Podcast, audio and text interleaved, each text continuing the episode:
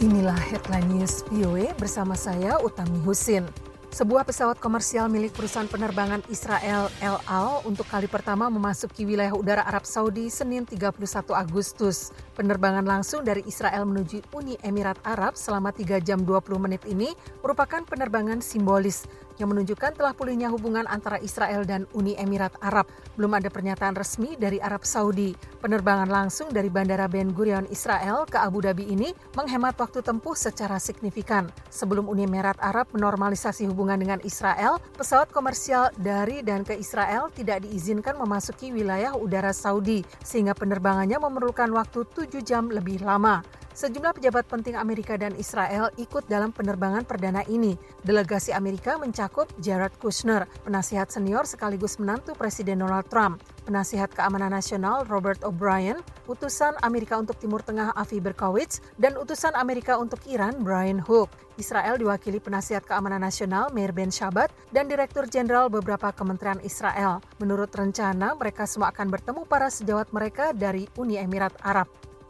Tiongkok membuka babak baru dalam sengketa sengit perdagangan dan diplomatiknya dengan Australia dengan meluncurkan penyelidikan kedua terhadap impor minuman anggur Australia. Kementerian Perdagangan Tiongkok Senin mengumumkan akan menyelidiki tiga lusin program subsidi pemerintah bagi industri anggur Australia. Penyelidikan akan berlangsung satu tahun penuh. Menteri Perdagangan Federal Australia Simon Birmingham mengeluarkan pernyataan yang menolak klaim Beijing yang menyatakan program penelitian dan pengembangan pemerintah sama dengan menyubsidi ekspor anggur negara itu. Pemerintah akan bekerja sama dengan industri anggur kami yang terkenal secara internasional untuk mengajukan alasan paling kuat menentang klaim tersebut, ujar Birmingham. Penyelidikan baru itu diluncurkan hampir dua pekan setelah kementerian menyatakan sedang melakukan investigasi anti-dumping terhadap impor anggur Australia yang menuduh para produsen minuman anggur telah memangkas tajam harga produk yang mereka jual di Tiongkok yang selanjutnya merusak industri anggur domestik Tiongkok. Tiongkok adalah pasar utama ekspor anggur Australia dengan nilai penjualan lebih dari 790 juta dolar tahun lalu dengan menguasai 37 persen pasar. Anda dapat mengirim email kepada kami di voaindonesia at voanews.com.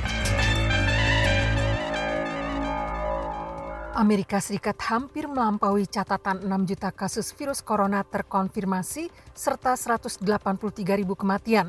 Keduanya angka tertinggi di dunia.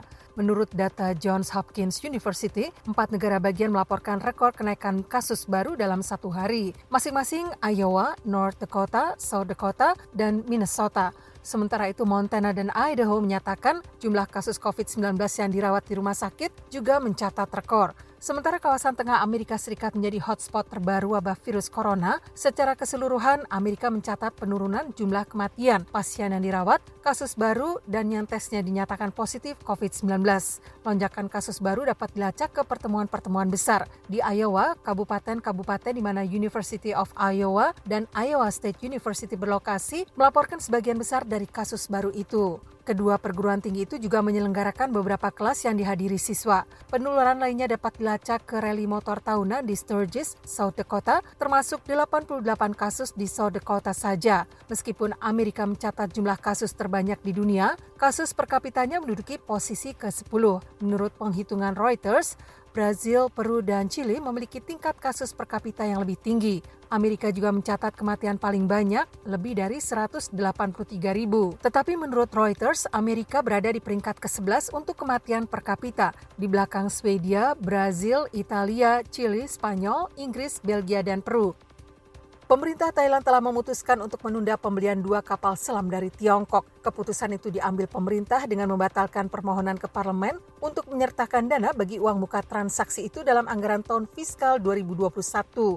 Juru bicara pemerintah Anucha Burapa Chaisri mengumumkan Senin 31 Agustus Perdana Menteri Prayut Chan Ocha yang saat ini juga menjabat sebagai Menteri Pertahanan telah memberitahu Angkatan Laut negara itu mengenai pembatalan transaksi senilai 723 juta dolar tersebut. Anucha mengatakan pembelian itu ditunda hingga tahun fiskal 2022. Ia juga mengungkapkan pemerintah telah membatalkan permohonan dana sebesar 103 juta dolar untuk uang muka transaksi itu. Pendengar, demikian Headline News VOA.